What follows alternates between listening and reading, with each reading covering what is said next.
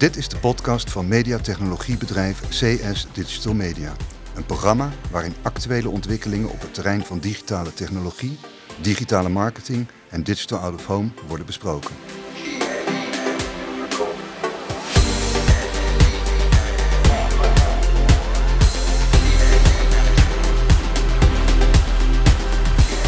Een hele hete goedemiddag, uh, mijn heren en dames, uh, dames en heren, het is andersom hè. Luisteraars, welkom bij uh, State of the Market, afle aflevering 23. Ik val bijna over mezelf vanwege het getal. Ehm, we gaan het vandaag hebben over public video. jullie weten dat we in de markt na COVID de, de dip overleefd hebben met z'n allen. de de out-of-home bestedingen trekken aan. En ik heb hier in de studio van CSDM zitten Jorik. Hi, goeiedag. Welkom. En van Mariette Boekers was. Hoi, goedemiddag. Bekend bij de luisteraars. Laten we gelijk even beginnen met de stelling. Uh, public video. We hebben het over het productvideo wat we draaien in buitenreclame. Wordt ook op online gedaan. Ook op tv, quote unquote. Wat is jullie mening over de adverteerder die niet gelooft in public video in out of home? Ja, dat lijkt mij, ja, ik vind het vrij bijzonder, want er is... Uh op het, online kan je een video skippen, uh, buiten reclame niet. Dus uh, ik denk dat je dat daar altijd een extra toegevoegde waarde op, uh, op buitenreclame hebt ten opzichte van andere kanalen. Dus onbekend maakt onbemind? Ik denk dat dat het is. Ah. Want op zich, de, de netwerken die er zijn, vele zijn wel ingericht ook voor, om public video, video toe te staan. je hebt veel landscape netwerken. Ja. denk ik aan de schermen bij CS Digital Media, de ehm, cinema screens. Dat zijn de grote schermen, die zijn landscape format. Maar ook bij een uh, Basic Fit uh, beginnen ze te experimenteren met landscape formats. Want Blow heeft ook landscape. Blow Up heeft landscape. landscape. Ja, en dat zijn eigenlijk allemaal wel plekken waar je gewoon langere video's kunt draaien.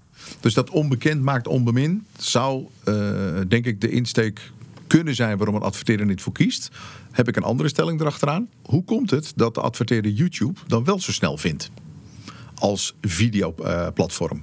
Uh, omdat YouTube vanuit zichzelf al een videoplatform is natuurlijk. Maar het is digital out of home toch ook? Of ben ik nou buiten, te kort buiten, de bocht? Ja, maar dan ben, buitenreclame is... Wordt niet zo gezien. Wordt niet zo ah. gezien. Omdat buitenreclame ten eerste niet altijd digital is. Ja. En het overgrote deel van het digital vlak dat er is... Dus we hebben gewoon een... Oorsprong is, is, een, anders. is een portrait format. Ja, dus we hebben een marketingprobleem als industrie. Dat denk ik wel, ja. ja nou, en er zit natuurlijk ook wel... Er zit gewoon een verschil tussen de verschillende kanalen. En, en iedere kanaal heeft zijn voordeel en zijn nadeel. Kijk, op YouTube zijn er veel mensen die niet meer kijken, maar alleen nog maar luisteren. Ja. Um, en in buitenreclame heb je juist het luisteren niet, maar het kijken wel. En veel mensen kijken het ook een beetje vanuit eigen perspectief. Nou, je ziet op de fiets, je rijdt langs een bord. Um, maar die vergeten dat ze ook heel lang stilstaan op één locatie, staan te wachten voor een uh, reclamescherm. Ja. Daar heb je echt forced exposure en is een uh, ad niet te skippen. En als ik het nou heel simpel maak. Hè? Ik heb thuis wel eens een discussie met mijn vrouw over of ik iets leuk vind. En daarvoor wil ik eerst de prijs weten voordat ik zelf ik het leuk vind. Hè, dat is dat functie boven vorm gaat. Of andersom, je hebt vorm uh, boven functie. Ik vind het pas leuk als ik echt weet wat de prijs is. Is dat hier ook met het product het geval? Met public video bij ons? Dat denk ik wel. Kijk, eh, Zeker als je kijkt online, daar zie je dat de inventory constant uitgebreid kan worden. Waardoor je, Hoe doen ze dat? Want dat hoor ik vaker. Nou, ja. Het is heel simpel. Als jij een, uh, een uh, video, het is, er is weinig vraag dan ga ik maar één advertentie in een video laten zien. Is er veel vraag, ga ik meer videoposities, advertentieposities... op.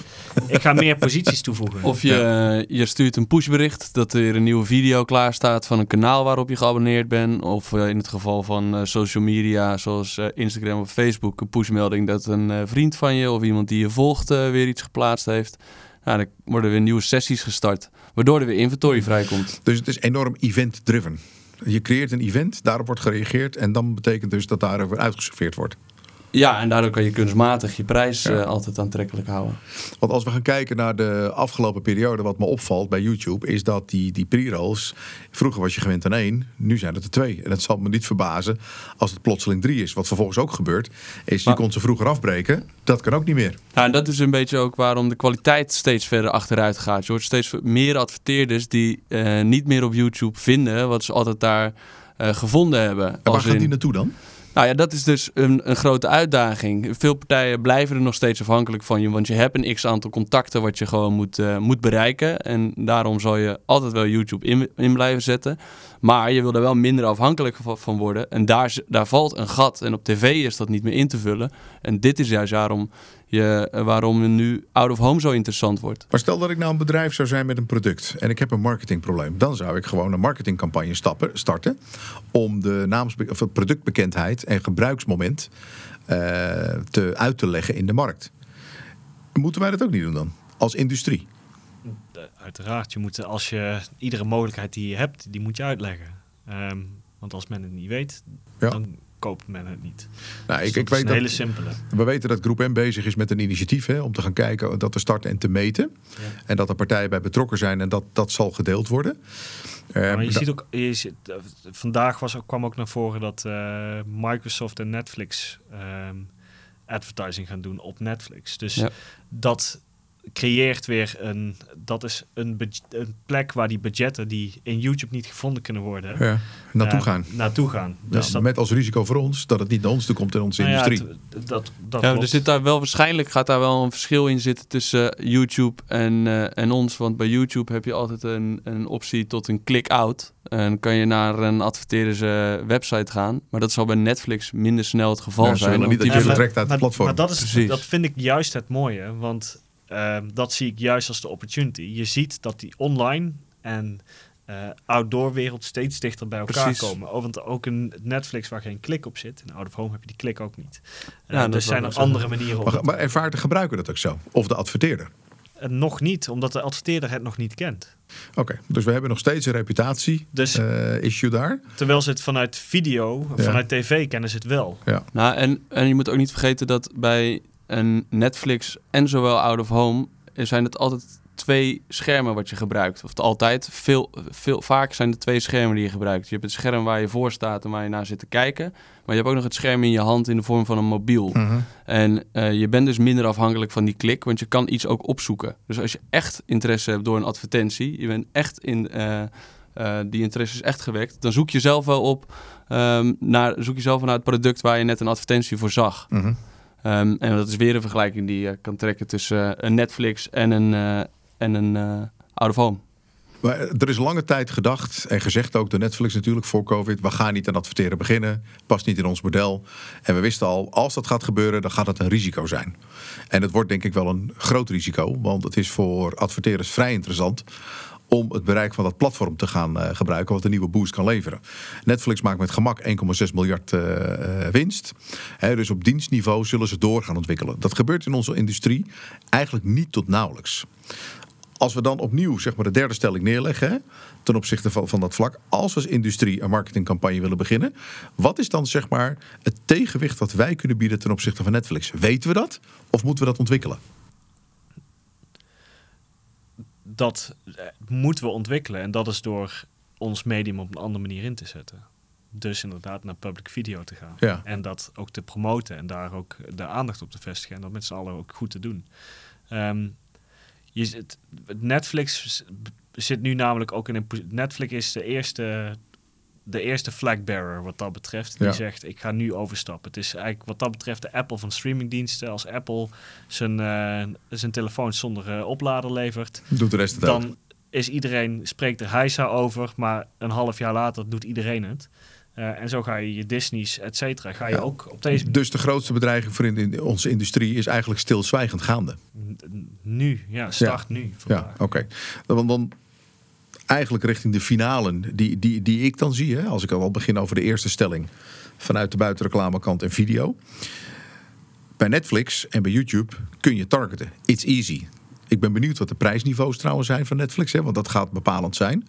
Maar wij blijven nog altijd het gevecht houden in onze industrie over de kwaliteit van data en de breedte van de data. Nou, je gaat voor een deel ga je nog steeds dezelfde type targeting creëren. Hè. Als je, um, want voor ons is de context de meest relevante. Ja, ehm, die hebben we. Die hebben we. Ja, ja dus- maar het verschil zit wel dat de Netflix gaat, gaat uh, context creëren op basis van interesse, waar wij dat doen op, op basis van gedrag. Juist.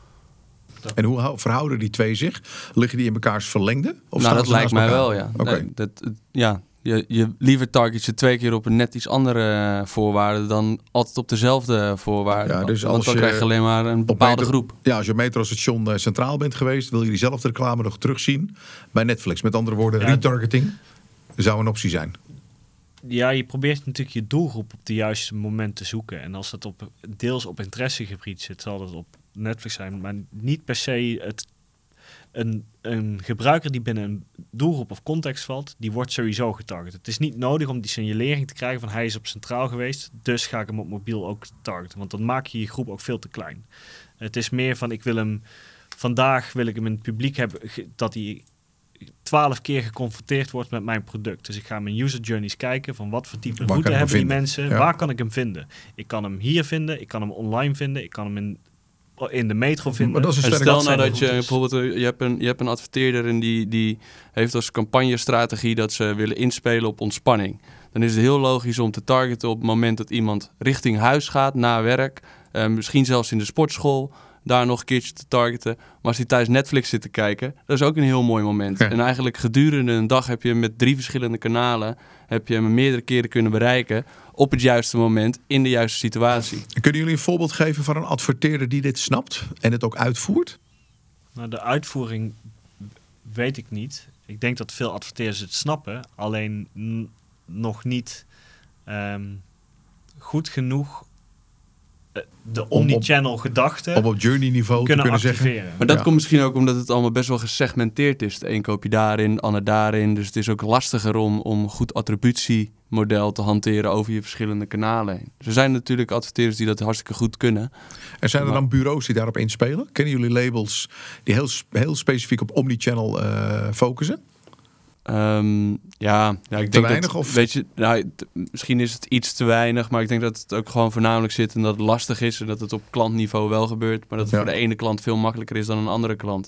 Ik vind bijvoorbeeld dat HEMA dat altijd heel sterk doet voor zichzelf. Hè. Die weten precies op welke schermen ze wel moeten adverteren, welke niet. Uh, ze kunnen doormeten hoe een, uh, hoe een out-of-home campagne impact maakt op uh, productcategorie. Um, ja, en die weten dat ze s'avonds anders moeten adverteren dan overdag. Dat zijn andere. een goed voorbeeld misschien. Ja, komt het omdat dat een, een, uh, een, een, adverteerder is die al heel bekend is met hoe ze op budgetniveau moeten sturen? Want het is natuurlijk een, prijs, uh, een prijsinkoper hè? en een prijspositionering. Uh, wat het merk doet. Komt dat daardoor? Hebben zij alles in-house? Nee. Alleen de delen hebben ze in-house wat ze op media draaien. En welke adverteerder heeft dan het potentieel om het wel te doen en doet het niet? In jullie ogen? ja, ja, iedere adverteerder die het niet doet, dat, ja. Nee, maar, dus, maar die het echt zou kunnen. Ja, als ik ga kijken naar het arsenaal, uh, ik noem even bijvoorbeeld uh, Samsung wacht heel sterk natuurlijk op de introducties weer van telefoons. Hè, die heeft een, ander, een andere wave. Die gaat in, in uh, waves door de markt heen. Als we gaan kijken naar fast moving consumer goods. Ja, want voor mij de makkelijkste die daarop in kunnen spelen zijn je gaat het vaak over eten. Dat is zo'n heel helder moment. Dus je, je, je thuisbezorgd en je Uber Eats. Het zijn hele heldere producten. Ja, waar die je al vrij makkelijk moeten staan. Die, die op bepaalde momenten bij iedereen onder de aandacht moeten ja, staan. Ja, want dan wordt de keuze daar gemaakt. ga je heel anders. Die, dus daar kun je mee in die, in die user journey. Want je, je, je weet waar je moet beginnen. Um, om, uh, om vier uur. En je bouwt dat op tot het, tot het moment van het bestellen. En daar zitten, daar zitten verschillende touchpoints tussen. Dus dat zijn hele heldere voorbeelden die eigenlijk vrij snel al kunnen starten. Ook omdat ze zelf natuurlijk heel veel mobiele data hebben uh, met hun eigen apps. Ja, dat is interessant van adverteerders. Hè? Die weten wat de profielen zijn die ze zoeken. En eigenlijk alleen maar hoeven te horen waar die rondlopen. Goed, om deze sessie als espresso shot te houden... Uh, moet ik hierbij uh, op de stopknop gaan drukken. Dank heren. Jorik. Geen dank. Sebas. Yep. kijken we uit naar de volgende editie. Dat is de 24e. Ik ben benieuwd of we die in deze hit ook gaan opnemen. Want volgende week wordt het nog warmer. maar lieve luisteraars, tot snel en tot ziens. Bye. Dit was de podcast van CS Digital Media. De uitzending is terug te beluisteren op CSDM Online, op de social media kanalen van CSDM, maar ook op acht audioplatforms, waaronder iTunes, Spotify en SoundCloud. De CSDM podcast is een productie van CS Digital Media. De mix en master worden verzorgd door Young Ruby Music. Music. Music.